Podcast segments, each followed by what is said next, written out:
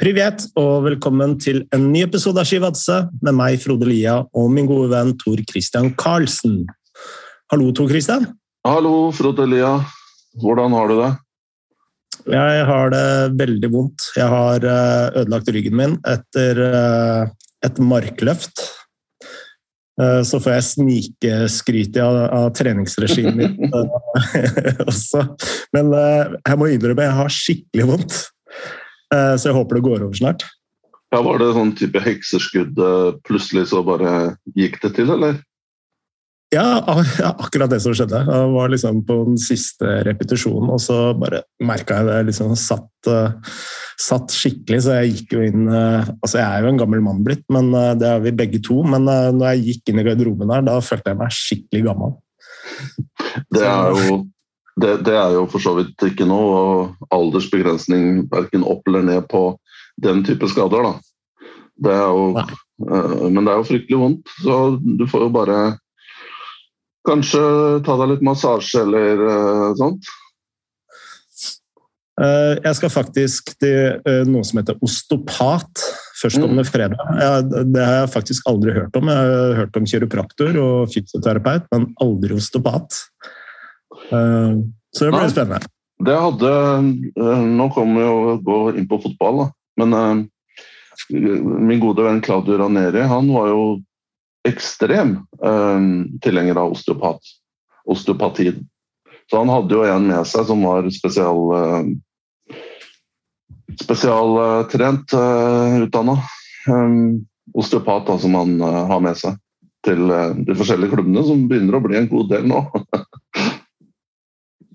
Ja, Det er vel kanskje noe av det som skiller eh, altså de nest beste fra de beste klubbene. Det er, er ikke nødvendigvis trenerstad, trenerstab, men eh, det medisinske apparatet.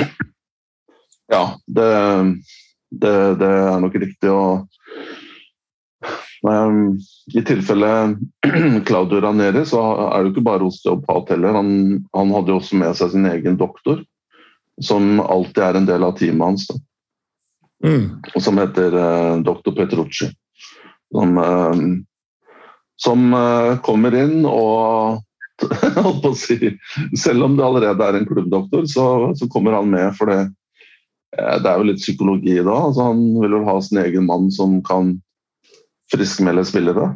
Mm. så, men det er jo en dyktig, erfaren type Petrucci, så det, det skal poengteres. Men men ja, det er, en, det er, nok kanskje på det området um, med, med, å ta vare på spillerne um, sin helse, som er kanskje det punktet som jeg tror er vi er lengst bak i Norge kontra de store ligaene. Ikke det at klubbdoktorer og, og, og fysioer og, og, sånt er dyktige, det er det jo selvsagt. Men um, men man er jo i, i stor grad i Norge eh, avhengig av eh, doktorer som, eller medisinsk personell da, som har fulle jobber ved siden av. Så da er det jo ikke all verden av prioritet du kan gi til fotballklubben og, og deres spillere. Og, og, fysio og sånt er jo stort sett uh, outsourced, uh, så det er jo en ting som er litt sånn overraskende i Norge, er at kanskje at man kunne uh, brukt litt mer ressurser på det. Da. Men øh, håper, det, håper, du kommer deg snart i gang igjen, da. Eh, det meste går vel gjennom idrettens helsesenter uansett, selv om man har leger inne i klubbene? Ja, det er vel på spesialister og man, hvis man skal ringgrepe og, og sånne ting. Um, mm. Men det er jo det med um, Ja, kanskje kjapp diagnosering og riktig diagnosering. Da. At man er på en måte um, oppdatert på idrettsskader og kan, man, kan fastslå tidlig hva det er, sånn at man får riktig behandling. Det er, det er jo ikke tilfeldig at man sender Nå gjør man kanskje ikke det fra Norge i noe sånn veldig stor grad, men man ser jo alle disse store klubbene har jo sine um, foretrukne eh, praksiser som de sender spillere til. Det er Noen ganger så reiser man til München, det er en doktor der som er veldig dyktig til noen ting. Og, og jeg tror på sånn eh, veldig alvorlige strekkskader, hamstring, da, så er det så tror jeg det er en klinikk i Barcelona som gjelder, som alle sender dit. og ja, De klarer på en måte å uh, Nå er jeg ikke en ekspert på dette, her, men de klarer å, å redusere uh, tiden. Da, og det mye kjappere enn andre. Så det, er, det, er, det, må jo være en grunn til at man sender disse uh, rundt i verden til spesielle klinikker. Jeg ser det er en Jeg lurer på om det er i Dubai. Eh, hvor bl.a. Omar Ela har eh, operert eh, kneet sitt. Og da husker jeg altså Jeg så det på Instagram, at da var det liksom spillere fra Barcelona og PSG og, og også fra over, overalt da, som var på mm. akkurat den klinikken der. Ja, det er også Det har jeg sett noen siste årene at, at det er noen som, som drar dit også. Men Får håpe at du slipper det, da. Det du, reiser, du vil jo ikke reise til Dubai, du. Det boikotter det stedet der. Jeg regner med da eh, åker jeg rett i kasjotten, så, så, så, så dit eh, begir jeg meg ikke. Da blir jeg med Granca. Jeg er med Granca-mann, eh, TK. Ja, det, det, det, det tror jeg nok er riktig. Men uh, over, over, fra Granca til noe annet. Uh, vi har jo noen nyheter her på podkasten.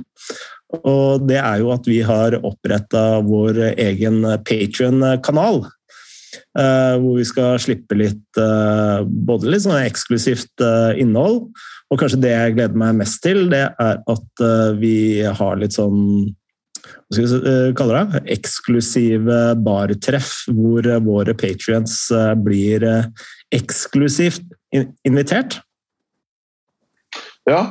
Um, vi får håpe at det blir uh, mulig, om ikke så altfor lenge. Um, men um, jeg, jeg, jeg, tenker at det er uh, bra at vi kan slippe litt uh, innhold som ikke nødvendigvis kanskje passer um, inn i, i, i den podkasten som vi legger ut, da, den som er tilgjengelig til alle, men som kan være litt sånn nisjeting um, om noen spesialområder og um, ja, diverse. Da, og, og, og, snakke med folk som vi syns er spennende og har mye kunnskap om ting. Så jeg tror, jeg, jeg tror, det er smart å signe opp. Det er to nivåer. Det er um, Første nivå er apparatskikk, som er en lojal uh, byråkrat som er uh, veldig tro mot systemet.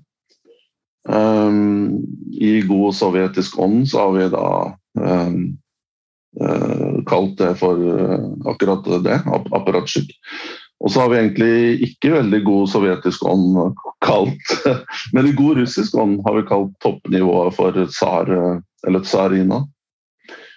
Eh, hvor det venter mange goder. Um, blant annet det du sier, eksklusiv um, rød løper til våre kvelder, som vi forhåpentligvis får kommet i gang med. Og i tillegg at det vil dryppe litt ekstra på klokkeren uh, i den kategorien der. Så det har vært, vi har allerede, det har allerede kommet uh, en del til. og så Vi må bare si tusen takk for, til dem som har um, uh, eh, signa opp. Og dette er jo ikke noe vi gjør for å bli rike, men det er jo uh, utgangspunktet fordi vi bruker litt tid på uh, I hvert fall kommer til å bruke en del tid på, på Chivatse-podkasten. Og at vi vil bruke det eventuelle som kommer inn på på å ut, utvide produktet litt. Lage mer innhold, rett og slett? Ja. Um, så vi håper da i løpet av veldig kort tid at det kommer de første eksklusive Patron-sakene. Um, um, at det lastes opp veldig snart. Så igjen, stor takk til de som allerede er med. og Det blir spennende å, å se hva vi uh, gjør ut av det. Ja, og adressen er da patrion.com slash shivatsepodkast. Rett og slett. Mm. Uh, vi har uh, Altså, det har jo skjedd uh, veldig mye i norsk fotball de siste ukene, og kanskje der det har skjedd mest, det er jo i Odd. Som har hatt nå holdt jeg på å si årets første trenersparking, men uh, det er det ikke. Uh, uh, Jan Petter Nordnes får ikke lov til å fortsette som trener for Odd. men han er ikke sparka. Nå sa jeg Jan Petter, jeg mente selvsagt Jan Frode Nordnes. Navnebror. Det er jo en, eh, en altså Kan både kalle det en spesiell eh, ordning, men, eh, men altså det er jo ikke en vanlig ordning at man beholder hovedtrener som ansatt. Men så er vel ikke Jan Frode Nordnes heller en vanlig trener i Odd. Men i tillegg til å få en ny trener på plass, så skal de også ha en ny sportssjef på plass, og de skal ha en ny styreleder eh, som eh, kommer til å gå av på, på neste årsmøte. Eh, og I den forbindelse så er det jo helt naturlig å eh, snakke med daglig leder Einar eh, Håndlykken. Så jeg har rett og slett tatt meg en eh, Zoom-samtale med Håndlykken for å høre litt om prosessene rundt det å rekruttere sportssjef, uh, ny trener osv. Ja, velkommen, uh, Einar. Alt uh, vel? Ja, det er litt hektisk om dagen, men jeg klarer meg greit, jeg. Er det mye altså Du sier, sier, at det er hektisk. Altså, er, er, det peak hektisk nå, rett før Ikke bare at det er liksom Det er ikke sesongstart, men Altså, dere har tre personer som skal ansettes. En styreformann, en uh, sportslig leder og en, uh, en trener. Men uh, sånn fra et ledersperspektiv så er vel dette også en hektisk periode uansett? Ja, det er jo generelt en hektisk periode, men, men det er litt, litt ekstra for nå, ja. Det kan du trygt si. Hvordan har de siste dagene vært for deg? Nei, de har vært intense, de, da. Eh, vi har hatt eh, dette trenerspørsmålet med Jan Frode. Eh, vi har en sportssjef vi skal ansette, og så er det jo ja, oppstart etter jul, og det er snart eh, treningsstart og mange ting. Mm. Uh, ja, du nevnte jo trenerspørsmålet her, og, og du har jo sagt i intervjuer at uh, det at uh, hovedtrener Nordnes ikke fikk fortsette, var en konsekvens av en intern evaluering av sesongen. Og Det vi lurer på litt, er uh, hvordan forløper en slik evaluering seg ut sånn helt, helt konkret? Altså Hvem er involvert, og altså, bruker dere ekstern ekspertise, eller hvordan foregår en sånn evaluering, og også om du kan si noe om uh, dette er noe man gjør hvert eneste år, eller om det har vært ekstra grundig i år med tanke på at resultatene ikke har vært så gode som de har vært uh, de siste årene, da. Eh, ja, eh, en intern evaluering har vi alltid hatt så lenge jeg har vært i klubben. Eh, men eh, det er nok riktig å si at den har vært grundigere i år. Eh, og det har nok med flere ting å gjøre, men selvfølgelig også med de resultatene vi har hatt, da, så er jo liksom behovet for en evaluering er enda sterkere. Eller det føles enda sterkere. Mm. Så den evalueringa er jo Det er jo mange deler av den, da. Eh, en viktig del av den er jo en undersøkelse i spillergruppa. Eh, så vi har hatt en ganske brei eh, undersøkelse der, da, hvor vi har spurt, stilt en haug med spørsmål i spillergruppa om hvordan alt mulig har fungert i deres øyne. hvor de har svart anonymt. Så det er alt fra treningshverdag til campinggang til uh, maten og reiser og det hele. Mm. Um, og så har vi hatt en uh, evaluering i trenergruppa, hvor de har vært ærlige med seg imellom om hva som har fungert og ikke fungert. Uh, og så har jo vi evaluert helheten da, i resultater og spill og spillerutvikling og det hele og lagt det fram for styret. Så det er liksom kortversjonen av den evalueringa. Mm. Så, altså, så, det er styret som har tatt beslutningen om uh, treneravgangen til Nordnes, f.eks.? Ja, det er styret som ansetter trener, og som uh, avsetter trener, for å bruke det ordet, da. Um, det er riktig. I en sånn eh, evaluering hvor eh, ting har gått eh, ganske dårlig, det er ikke en sånn fare for at spillerne, selv om de svarer anonymt, kan liksom skyve, altså skyve skylda litt over på treneren, hvis du forstår hva jeg mener? Jo, det er det nok. Men Så det er alltids en fare, det. Og Det er jo, kan man si, ulempen med at det er anonymt. da. Eh, det er jo fordeler med å ha anonymt og ulemper med å ha anonymt. Eh, men eh, det er nok en, del av et bilde, det. Men så er det jo sånn, altså disse spillerne de har vi jo henta til klubben, og de har kontrakter som går ut eller løper videre. Så de skal jo ha de spillerne, i hvert fall de som ikke kontrakten løper ut fra, skal jo være med videre. Så, sånn sett så er det i hvert fall veldig naturlig å høre de, men det er klart at uh, det betyr ikke at en skal ta alt som kommer der for god fisk. Og det er jo åpenbart sånn at uh, en spiller som mener sjøl han burde fått spilt mye mer, eller blitt brukt på en annen måte, vil være mindre fornøyd med dette enn hva en spiller som har fått spilt mye og blitt brukt på den måten han sjøl vil besvare. Da. Mm. Så det er klart det er mange sånne ting inn i det.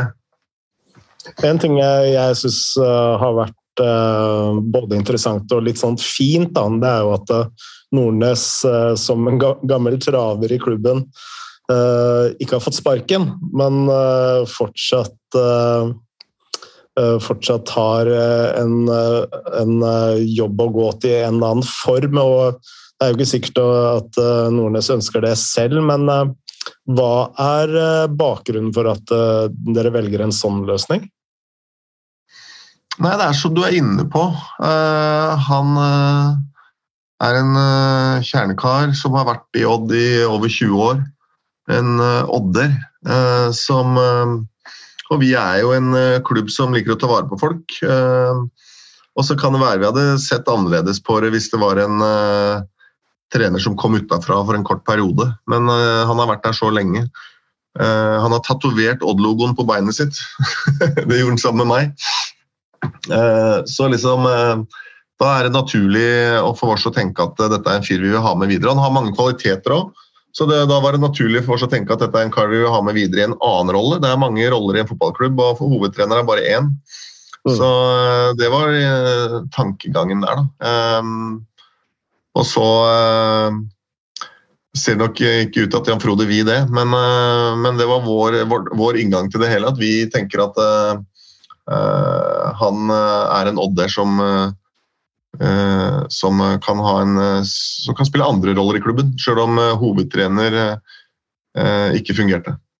Hvilken kravspesifikasjon har dere til en ny uh, hovedtrener uh, nå? Nei, Nå har ikke den jakten starta, så vi uh, har konsentrert oss om å lande en avtale med Jan Frode. Så den kravspekken er jo ikke den er ikke lagd. Så vi er, Mange mener at vi er naive og altfor treige, og sånn, men vi er jo opptatt av å være ryddige. Så vi har ikke hatt noe ønske om å drive et arbeid bak Jan Frodes rygg. Eh, så det arbeidet er rett og slett ikke starta. Hvor eh, sentral eh, kommer en ny sportssjef til å være i kartleggingen av en ny hovedtrener?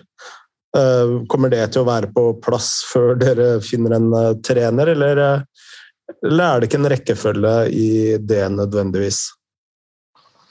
Nei, det burde sikkert vært en rekkefølge i det, men det har vært en separat prosess. Og så, når vi la løpet for en ny sportssjef, så var ikke det en plan at vi skulle ha denne situasjonen med hovedtreneren. Så mm. derfor havner det litt midt oppi hverandre nå. Fordelen med det er at vi kan se det i sammenheng. For det er jo uansett hvem som har hvilke roller viktig at de to rollene fungerer sammen. Da. Det er nok av eksempler på konflikter mellom hovedtrenere og sportssjefer. Så her får vi en mulighet eh, til å eh, se det sammen, da. Så det blir, eh, det blir, en, det blir nok snarere sånn det blir tenkt. Og så kan de også tenke seg at vi får på plass en sportssjef så raskt at han kan spille en rolle hvis vi skal ut og hente en hovedtrener. Men så langt har vi ikke kommet. Altså, dere har allerede en sånn en type spillerlogistikksjef uh, i Thomas uh, Skilbredd. Uh, mm.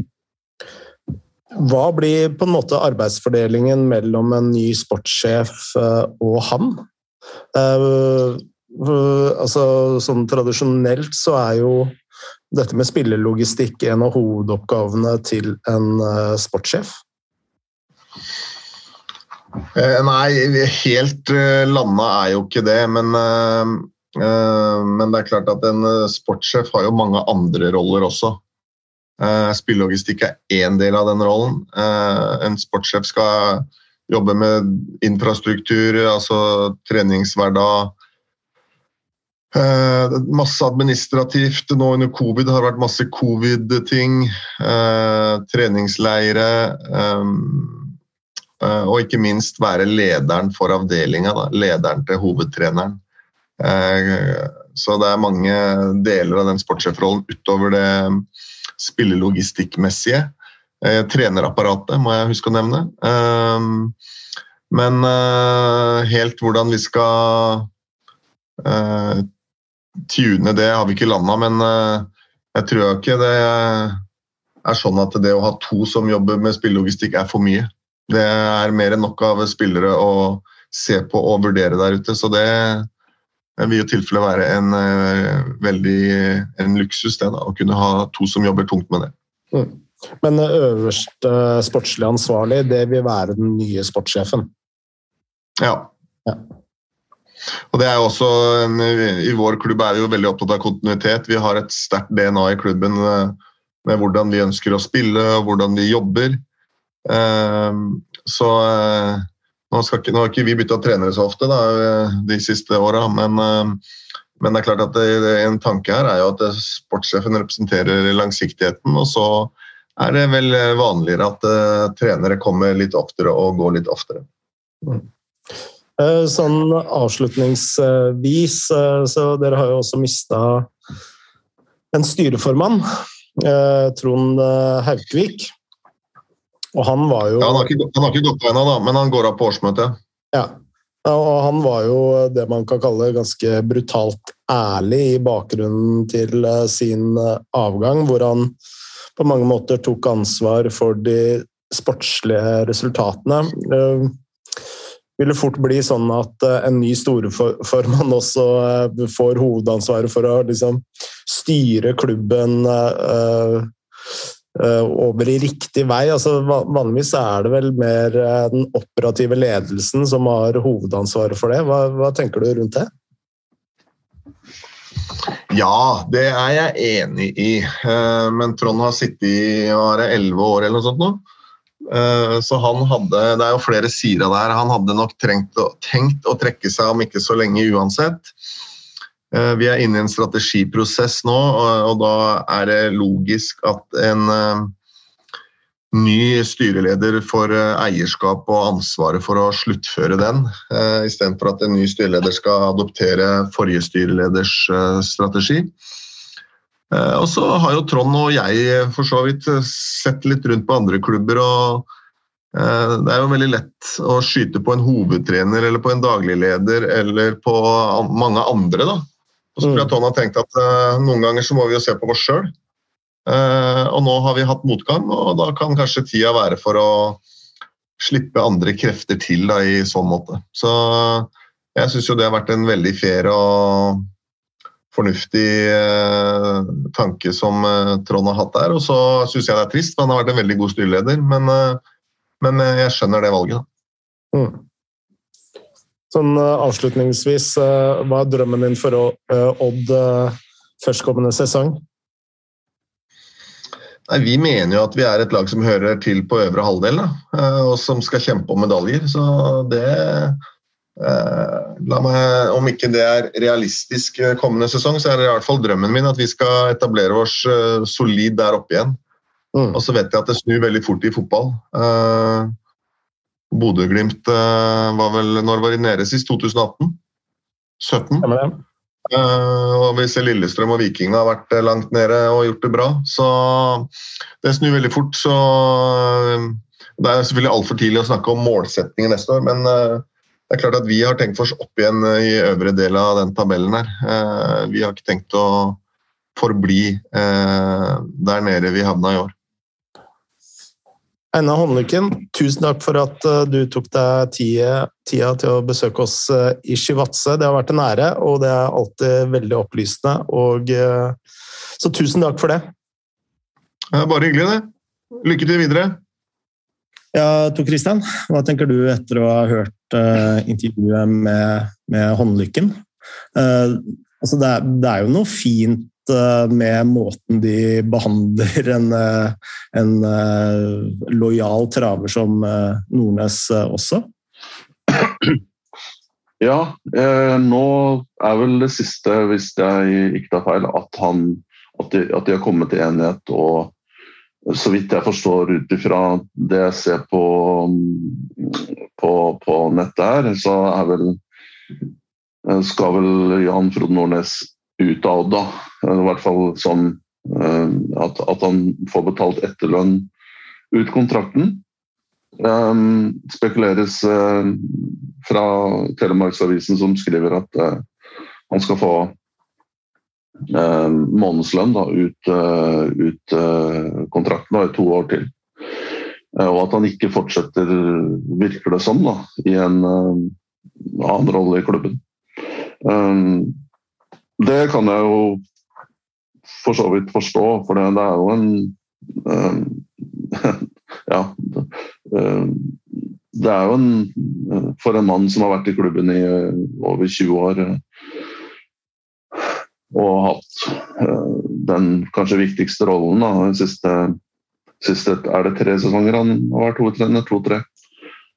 Så er jo det kanskje unaturlig at han skal gå inn i en annen rolle. Hva skulle det være? Det, han kan jo ikke være assistent, det gir jo ikke mening. og og, og, sportssjef er jo også en rolle som du må ha uh, spesialkompetanse til. Det er jo ikke bare å å sparke en trener oppover, eller flytte da, en trener oppover um, i den rollen. Og, og han, han, er sikkert ambisiøs nok til at han um, ønsker å fortsette som hovedtrener eh, for seniorspillere. og Da er det utelukka kanskje å jobbe i UA, og da, da, er det ikke så veldig mange roller igjen. da. Nei. Men um, man må jo si at uh, ja, Håndlykken han snakker jo han, han, er en veldig god kommunikator i gode og dårlige tider. Men uh, han forklarer jo veldig godt, uh, syns jeg, hva som, har, hva, som har, skjedd. Det er jo oppsiktsvekkende at, at dette her skjer så kjapt. at styreleder trekker seg, er jo for så vidt Eh, kanskje ikke så uvanlig. Det ser man jo i andre norske klubber som har hatt litt motgang de siste ukene. Brann eh, har vel eh, hele styret satt sine plasser til disposisjon. og eh, Det er jo ikke uvanlig at sånne ting skjer ved et nedrykk. Og, og sportssjef eh, Hans kontrakt eh, gikk vel ut, og han var det vel visst ganske lenge at, at skulle ikke skulle fortsette. Da. Men eh, eh, som du sier i intervjuet der, og som for så vidt også Håndlykken er innpå, så er det jo eh, synes jeg det er forfriskende ærlig at igjen at, at styreleder på en måte tar noe av ansvaret og, og overlater det nå til andre og, om å ta opp, plukke opp hansken og kanskje dra klubben i en annen retning. Og det andre syns jeg også at det er litt unorsk og at man tar en skikkelig hva skal vi si da, en skikkelig evaluering og at den får konsekvenser. fordi en evaluering pleier jo bare å være en sånn pynt, hvor man, uh, som man egentlig bare gjør for å kunne si i etterkant at ja, vi har evaluert og vi skal lære av feilene og nå skal vi gjøre ting på en annen måte. Og, men her er det jo Her har man jo faktisk Her har jo en evaluering faktisk fått konsekvenser. Da, så det føler jeg er uh, veldig eh, nytt. Og i tillegg så er det jo, viser jo at Odd har ambisjoner her. Uh, det, de er ikke fornøyd med, med å ligge nedre halvdel. og hadde jo en fryktelig høst hvor de nesten ikke vant kamper på siden sommeren. Og de slo et Stabæk der i siste runde, pynta litt på det. Men Ehm, det, det, det, det, de har gjort nå, det setter jo en ny standard, og de ehm, det, blir jo litt å leve opp til for de som skal inn i klubben. Og når man ser at det, hvis man er i nærheten av nedrykkssonen, så, så, innebærer det at, uh, at, det kan få konsekvenser. Mm. Altså, vi har snakka litt om uh, sportssjefrollen også i Odd. Også, uh, uh, fra et sånt journalistisk perspektiv, da, sånn utenfor, utenfor perspektiv, så er det jo åpenbart at mye skjedde med salget av Bakenga i, i sommer. Så for å være litt sånn djevelens advokat, da, så er vel problemene til Odd større enn bare en hovedtrener? Ja, de klarte jo ikke å de klarte jo ikke å erstatte Bakenga. De henta vel inn Kastrati, og så hadde de Lauritzen der i tillegg i den midtspissrollen. Men eh, jeg det, det, er jo ikke lett å erstatte en spiller som skårer nesten mål hver eneste kamp. Um, for de budsjettene man har i jobben i norsk fotball, det er jo det, det, det, er ikke enkelt. Og man kan jo kanskje også tro at hvis Bakenga hadde vært med hele sesongen, så ville sannsynligvis Odd ha vært Jeg vet ikke hvor mange poeng ja, han kanskje forskjellen eh, er på, på med og uten Bakenga, men at det kan tilsvare kanskje sju-åtte poeng, um, utelukker jeg ikke. Men uh, hvis du går litt tilbake til intervjuet med, med Einar Håndlykken der, så så er jeg jo enig i at ehm, det burde jo være en, en rekkefølge nå i at man ehm, ansetter sportslig leder, sportssjef først, og at vedkommende er at, at, vedkommende har et ord med i, eh, i, i, i, laget eh, når det gjelder å finne en ny hovedtrener. For det Han nevner jo at det skal være en kontinuitetsbærer, og at, um, at det er sportssjefen som skal være um, den som kanskje um, ja, er ansvarlig for den overordna strategien på, på, sport. Ikke bare, ikke bare bookerbussen. Uh, og treningsleire, som han nevner der. Det er jo en administrativ rolle som egentlig ikke kanskje sportssjef uh, bør uh, ha så mye Bruke tiden på, da, i mine øyne. Men, men det blir spennende, blir spennende, å se om, om, om, om de lander da, på, på, den måten der. Ja, jeg har litt, altså, også etter å ha snakket med Einar Håndlykken, litt sånn der Jeg har på følelsen at uh, rollen som sportssjef da, i en norsk klubb er veldig i endring. Og den er jo veldig uh, Og dette er et spørsmål til deg også. Altså når du kom inn som sportssjef i Start, f.eks., uh, så er det en del administrativt arbeid som skjer i norske klubber, og blir kanskje enda mer òg, altså bare det med inn, altså inntoget av akademiklassifiseringen uh, stilte jo enda større krav til administrativt arbeid for en sportssjef i en norsk klubb, og nå skal man uh, uh, utvide den ordningen, og så kommer det mest sannsynlig andre ting på toppen her, hvis vi skal lese signalene fra norsk toppfotball riktig. Da. Syns du rollen som sportssjef i Norge er veldig annerledes enn det den er eh, i resten av Europa f.eks.? Og tror du den rollen også kommer til å være i veldig endring nå i tiden fremover? Ja, altså Det er jo en rolle som er litt um, Du kan gjøre mye Du kan forme den litt etter egne behov. Um, og, og, jeg vil jo si at kanskje i Norge at noe av utfordringen er at um, en sportssjef har ganske um, færre mandat, da. altså beslutningsdyktighet, enn man har i, i, utlandet, hvor på en måte sportssjef er skal jeg kalle det, en slags um, link mellom styret eier og, og det sportslige.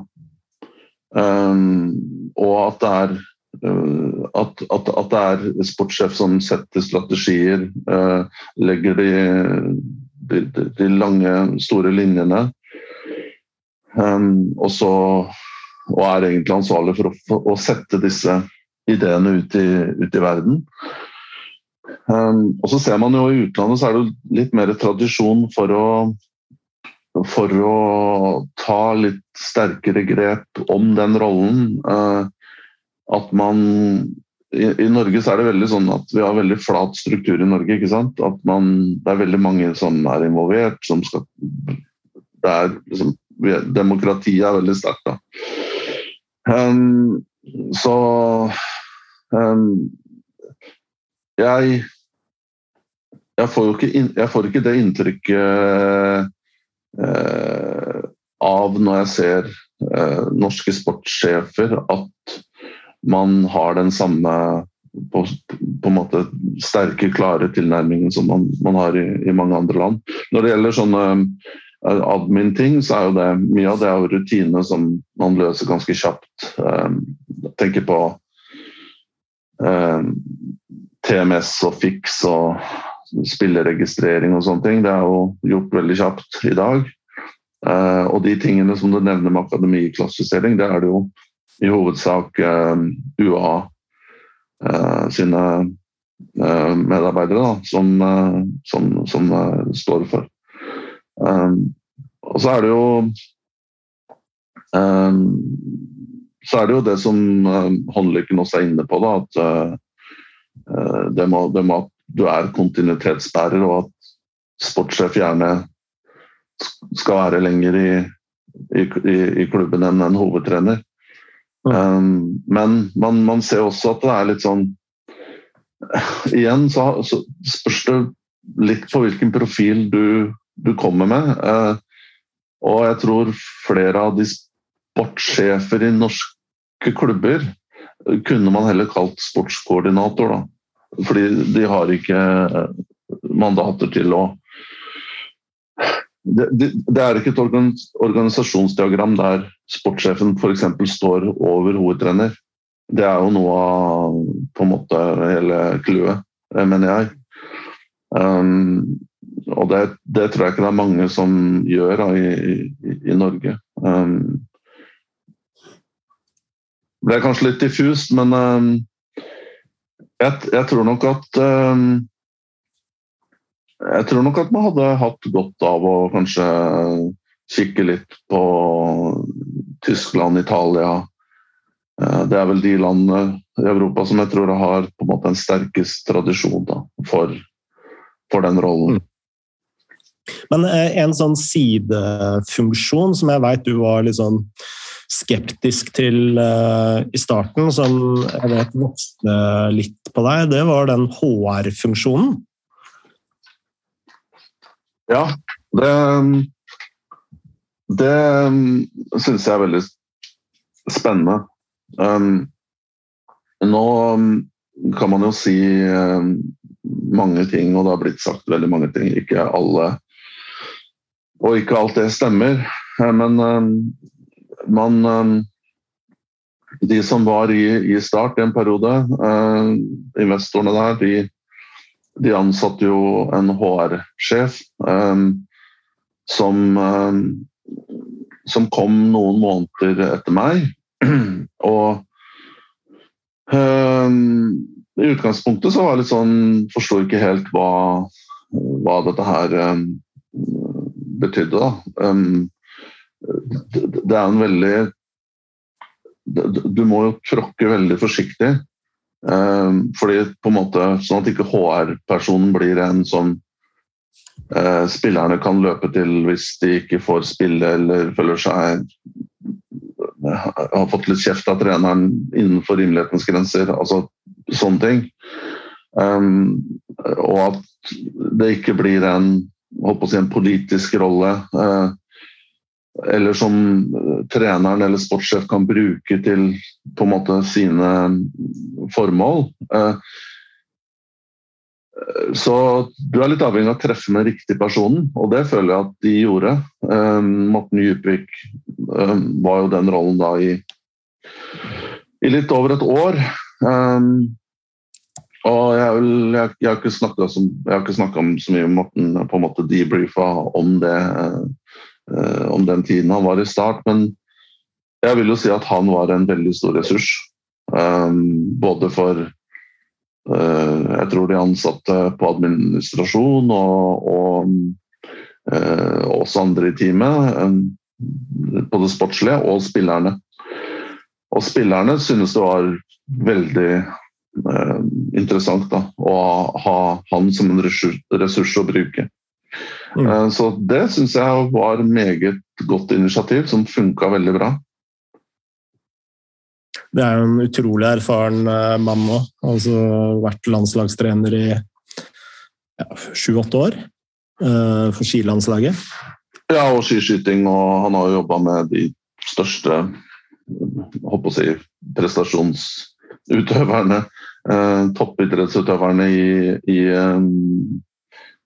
i uh, Norge. Og jeg tror vel at kanskje i begynnelsen så var det litt um, utfordrende for han og uh, alle disse spesielle uh, måtene man løser ting på i fotball, da, som er veldig kanskje langt unna det man er vant til fra de idrettene Morten har vært og fortsatt holder på med. Men han hadde også noen personlige egenskaper som jeg syns var helt, helt off the scale. Altså han kan forstå at han var ekstremt dyktig i, i den rollen. Uh, altså som, som, trener og um, sportssjef for, um, for uh, topp altså Olympia, olympiavinnere. Så han vil jeg si jeg lærte veldig mye av. Hvordan han jobba, hvordan han håndterte situasjoner. og ekstremt dyktig person. og han klarte å liksom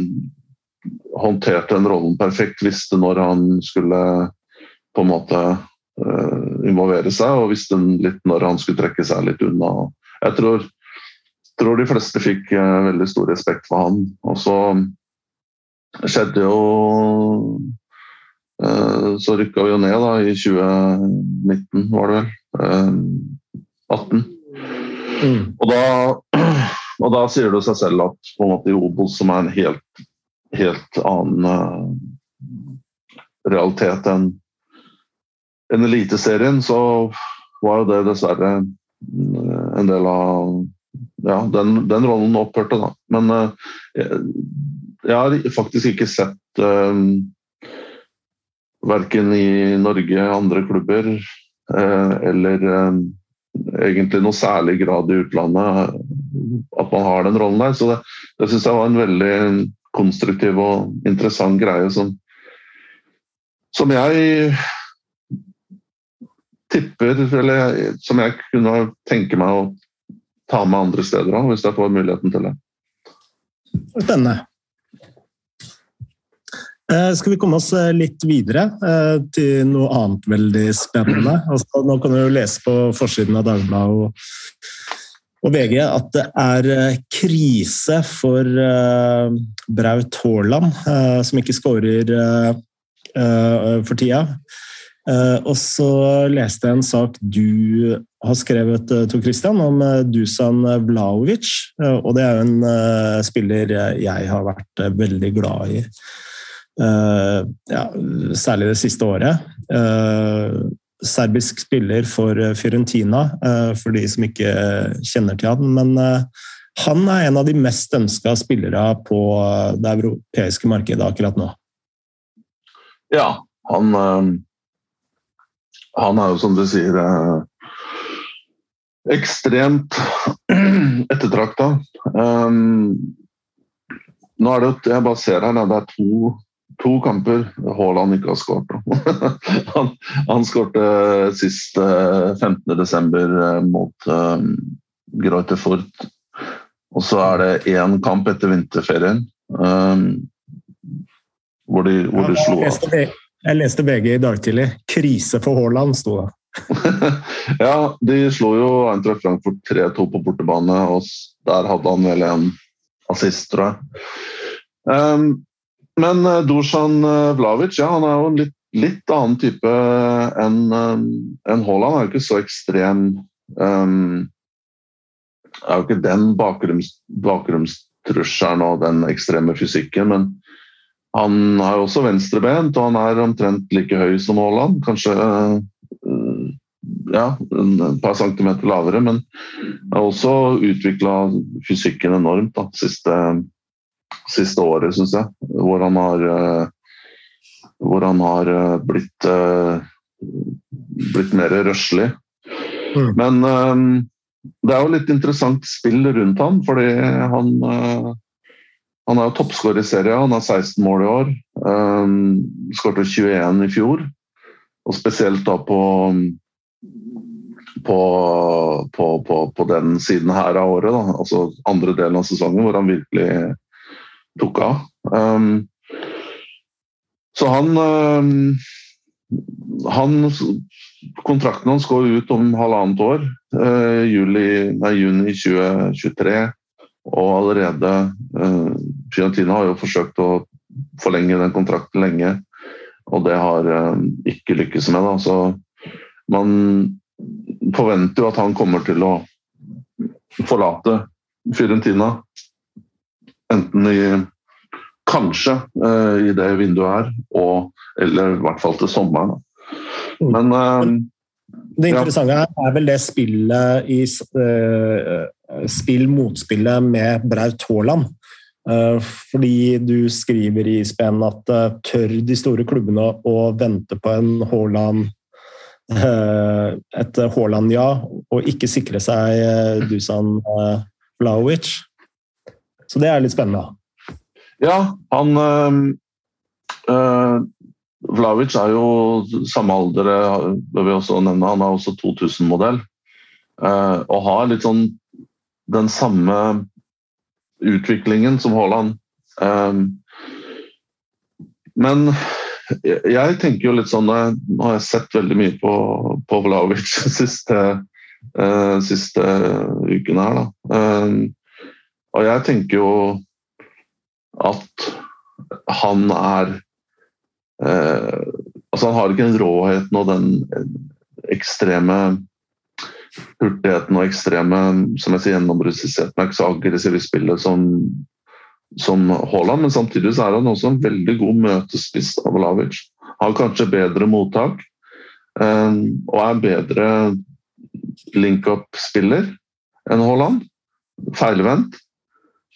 Og da begynner jeg å tenke litt sånn Ja, hvis du er Pep Guardiola, eller hvis du er eh, Ralf Ragnhild Ok, nå er jo Ralf Ragnhild på en måte Han er jo dypt investert i Haaland i og med at de har en relasjon tidligere fra, fra RB-systemet. Men jeg tenker jo spesielt for et lag som har mye possession og skal ha en, ha en spiss som, uh, som er god feilvendt, så er jo Vlaovic kanskje vel så interessant som, som Haaland, tenker jeg.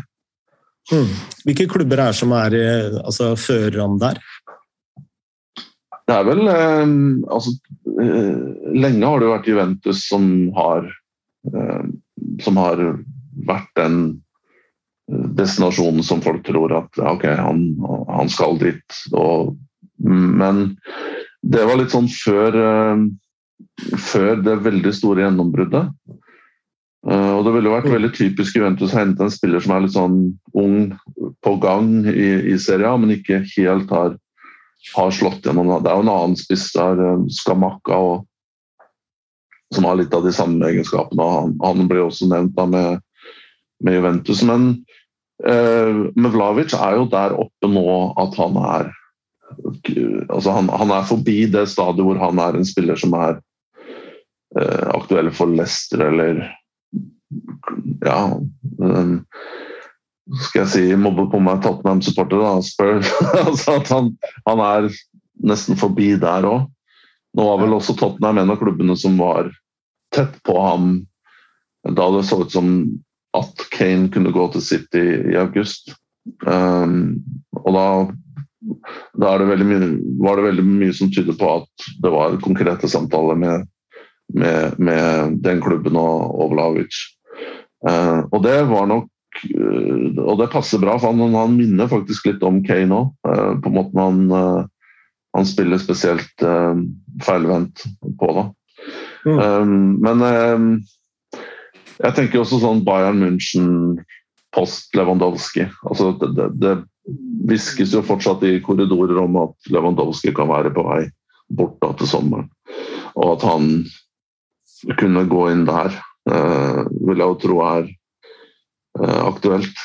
Um, men, men han, han, har jo ikke den karismaen, da, om jeg skal bruke det ordet. Haaland har jo blitt en verdensstjerne. han ikke bare fordi han er en fantastisk fotballspiller og er ekstrem, men han, han byr jo på seg selv og er litt sånn spesiell da, i, i framtoningen. Uh, mens Vlavic er litt mer uh, han som står sist i buffeen. Uh, ikke står i buffeen, ja, men står sist i køen. Ja, Det er jo noe med attituden til Haaland som går utenpå det å bare være fotballspiller. da. Så ja, han har den stjerne, superstjerneappellen. Og det, og det digger jo folk som Florentino Perez og Real Madrid. Mens Vlavic vil jo være en, en mye mer rolig person. Jeg ser at uh, Real Madrid er oddsfavoritt for, uh, for å signere Brauten. Ja. Hva, hva er på å si, fordelingen der? Nei, det er uh, Skal vi se skal jeg, uh, jeg mener at den var på rundt tre uh, for litt over en uke siden, og så var det fem på City. Så det var da Real Madrid og City, da. Men ja. Det blir jo det er jo artig med de tingene der at man uh, det er, Dette her er jo, som mange sier, det er jo bare Braut Haaland som, som vet hva det mm. blir. Og kanskje faren hans. Og det er jo han, når alt kommer til alt, som bestemmer det. det man kan jo på en måte håpe og synes og spekulere i at det blir Real Madrid, men det vi det, ja, det, det er jo bare én mann som, eh, som, vet svaret på det. Ja. Nei, altså, jeg, eh, nå går jeg litt på sida her, men jeg bare har en sånn følelse av eh, kognitiv dissonans om dagen. fordi på ene sida så bare snakker vi ned norsk fotball så til de grader. Eh, også mye med tanke på at norsk toppfotball skal komme med forslag serieendringer og ja, alt mulig rart. Og så plutselig har vi liksom en av de største fotballstjernene som er linka til alle de største klubbene, og vi selger uh, uh, spillere for 100 mil til Russland, og det er liksom Ja.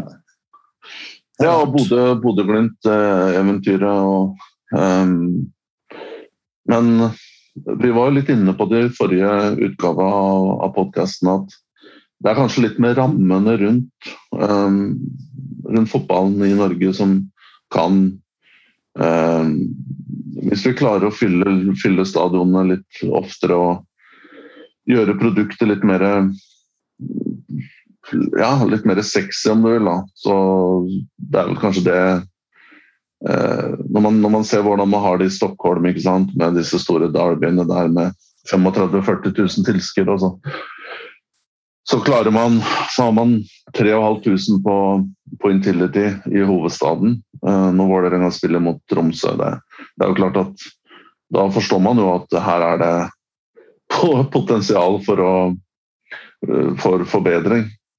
Mm. Men, uh, men, jeg er jo enig med deg at det har jo skjedd veldig mye positivt i norsk fotball det siste, syns jeg. da. Jeg har også vært egentlig, mens andre har ment at talentproduksjonen i Norge er for dårlig, så har jeg egentlig vært litt sånn kontrær der. Jeg syns at det kommer veldig mange gode spillere og interessante profiler frem. Det er jo nesten i alle disse kullene fra, fra 2000 da, med Haaland og Eller hvis du starter da på 98 med, med Ødegaard, så har det nesten vært én sånn uh, ja, en stor, uh, interessant spiller nesten hvert eneste års årsgruppe. Eh, og jeg syns egentlig Norge produserer vel sånn jevnt over mer interessante spillere enn det man gjør i Sverige for øyeblikket. Danskene litt annen uh, liga, men uh, men um, noe av problematikken, som vi også var inne på i forrige episode, det er jo at disse spillerne, profilene, forsvinner ut av landet med en gang. De har Du ser jo han Nosa som gikk til uh, Brygge, som hadde da hvor mange kamper for Stabæk? Fire-fem. Så går han til Brygge for, for 30 millioner eller hva det var. 3 millioner euro, noe sånt. Og det er en 16-åring fra Langhus som vi knapt har blitt kjent med her i Norge. Det, det, er jo litt synd, da, men igjen, sånn er det jo når spillere på en måte tjener øh, Tjener ja, veldig moderate summer, og, og, og, forskjellen fra å spille de, de, økonomiske betingelsene fra Norge til andre land er så store. Mm. Um, så ser jeg jo veldig nå Um, godeste Kristoffer uh, heter han vel. Velde fra Haugesund går jo nå til uh, Polen. Til uh, Legia, tror jeg. Var det? Um, eller var det Lech Poznan? Var det serielederen? Um, det er jo isolert sett en ganske ganske artig overgang. For det, Legia som sagt er jo Nei, unnskyld, Lech. Eh, Poznan er jo topp, topp, topplag. Um, men jeg er jo fortsatt litt sånn uh, Skal vi feire at norske spillere går til Polen, på en måte?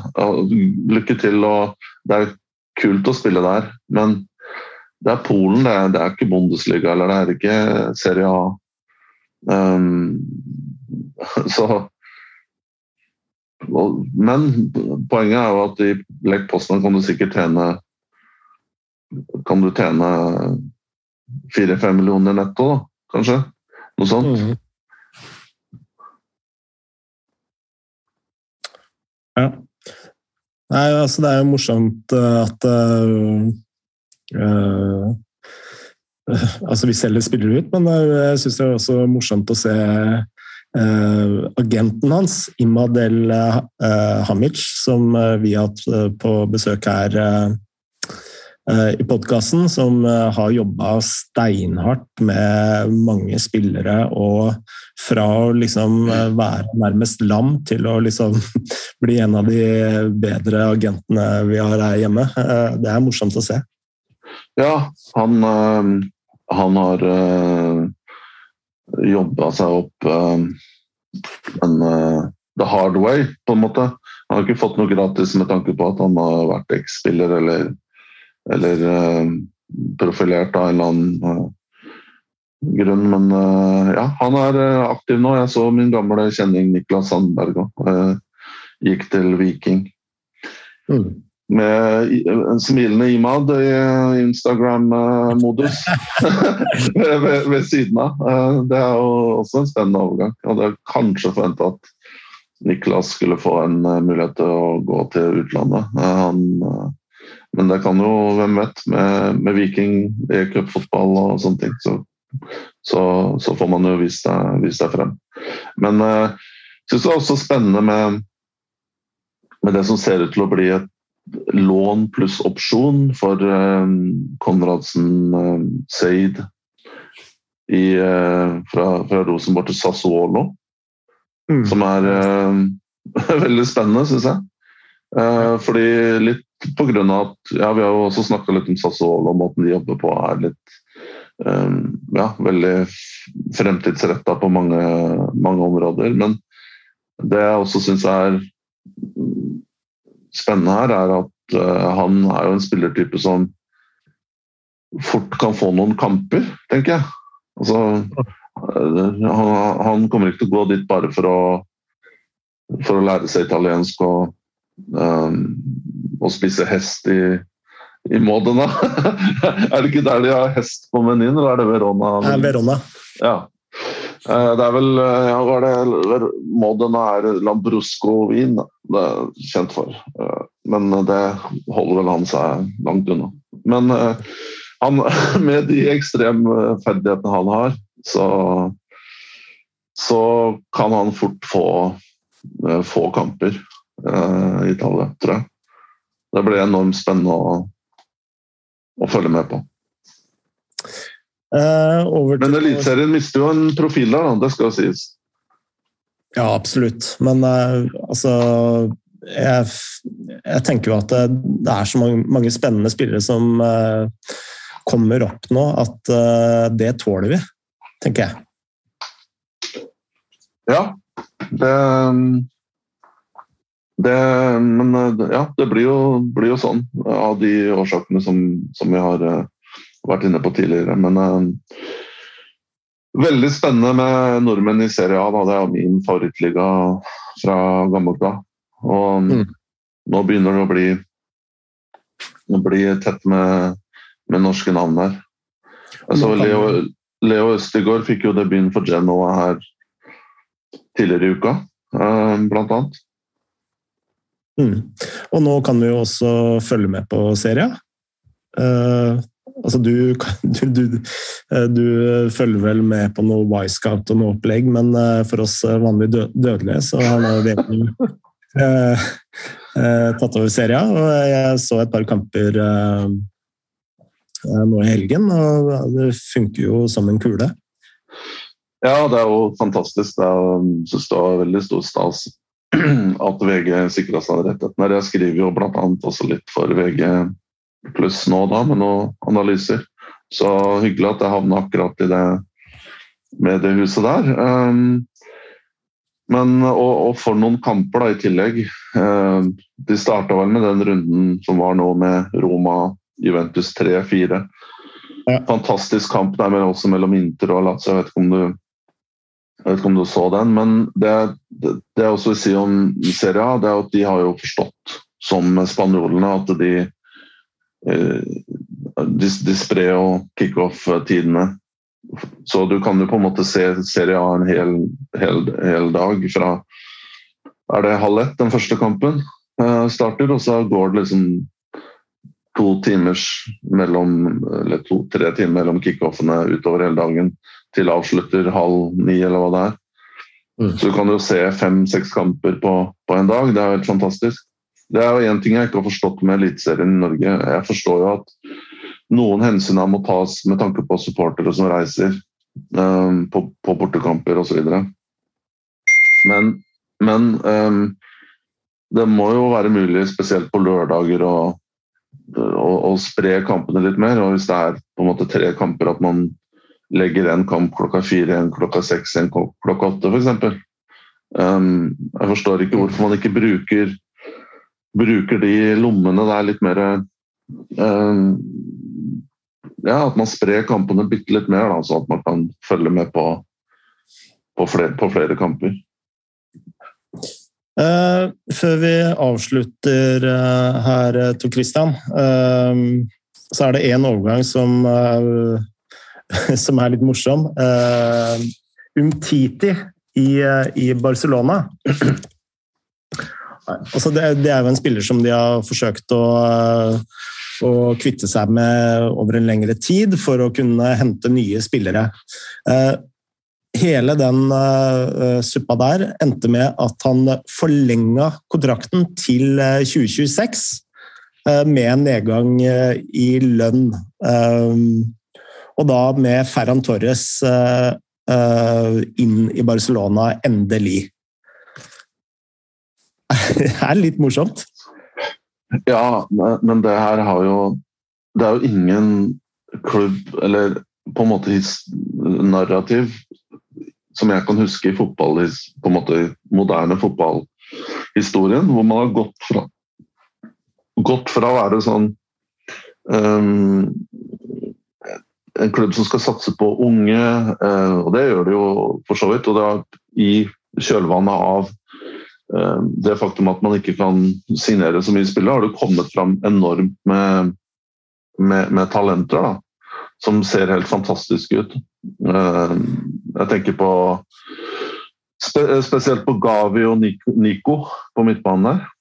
Og så har de Pedro i tillegg. altså Her har du tre av på en måte største talentene i verden på midtbanen der, og som er komplementære. Du har på en måte to, to indreløpere og en, en, sittende spiller der. Um, og så har du også da Ansu og uh, Yusuf Demir som, som, har kommet innpå, men han får vel ikke spille nå pga. at uh, det vil utløse en uh, kjøpsobligasjon. Så de blir nødt til å betale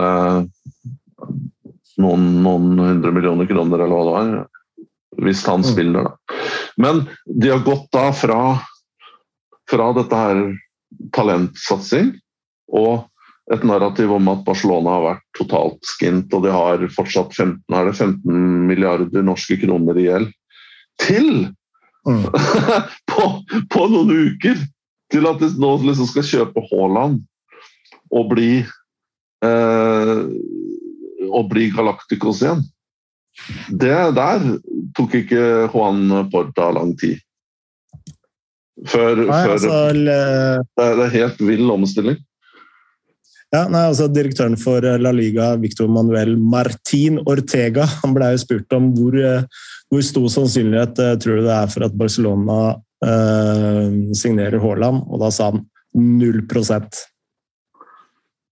Ja. Det er jo Burde han uttale seg om det, egentlig? er litt sånn nesevis, uh, syns jeg. Men, men, men uh, det, altså, det, det, innebærer jo at man må gjøre flere sånne grep, da. Som mm. uh, man gjorde med Umtiti der. At man flatliner lønna over flere år og får ned denne, denne her salary-fjellet. Um, og, og da, da, kan det jo gå. Um, men, det, men, man må jo da få, få til noen salg her i tillegg. Da. Dembélé blir jo hele tiden Han er vel kanskje også på utgående kontrakt neste sommer. Få solgt han. Um, så jeg, jeg, så jo Sid Lowe skrev jo som sagt på, på ISBN Um, hvor han forklarte hvordan det var i teorien mulig. Da. Um, mm. da så har de jo fått refinansiert mye, mye av denne gjelden og, og, alt mulig sånne ting, men, men det blir jo fryktelig spennende å følge Barcelona her ut året her nå, fordi ut sesongen. altså Glippet Champions League, de ligger jo på sjuendeplass. Ok, det er tett opp der, men um, hva skjer da? Hvis, det, hvis den plassen ryker? Mm. Det blir veldig, veldig spennende. Men jeg, jeg, jeg syns det er fascinerende å se når disse unge spillerne er, sånn som Gavi, som ingen hadde hørt om nesten mm. før, um, før, sommeren. Um, og, og, var litt sånn Ja, på stadiet der Pedri var for et år siden, så kommer han inn og ser helt fantastisk ut. Og Pedri, som allerede er en nesten verdensstjerne. Fordi, fordi krisen um, Som en konsekvens av krisen, så, må, så, så, får de spille.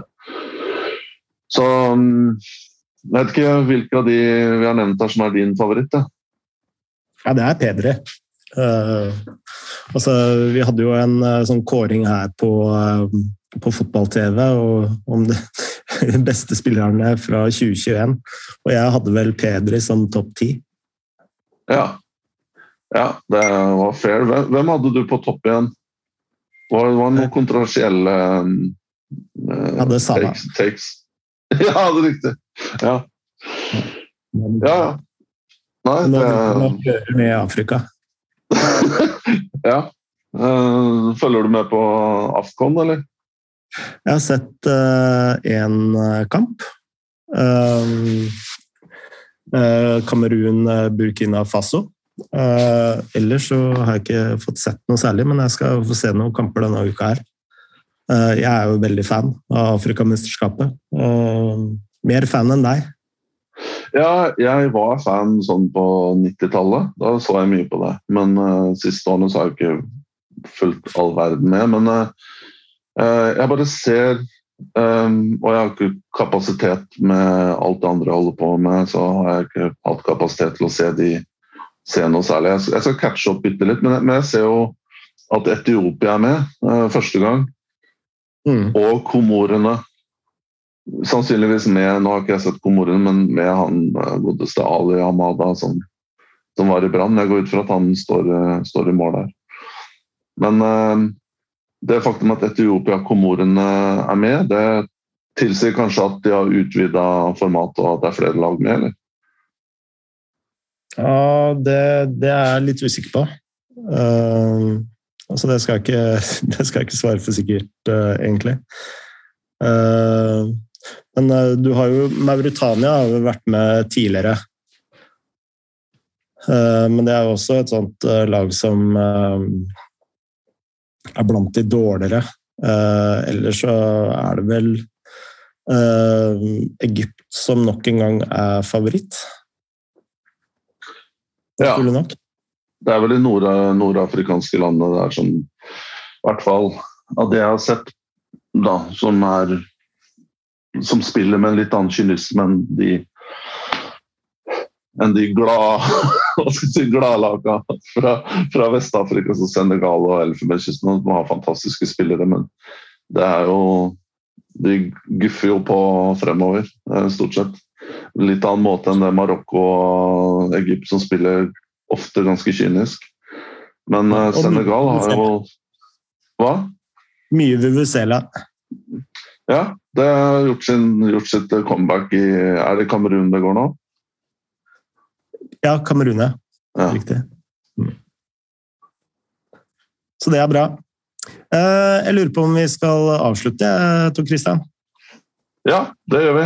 Uh, sier, sier, som vanlig takk. Holdt på å si takk og takk og ikke farvel, men takk igjen til lytterne. Og så høres vi snart igjen. Ja, og da sier vi som vi alltid sier her på Shiotse, privet og das vedanje. Moderne.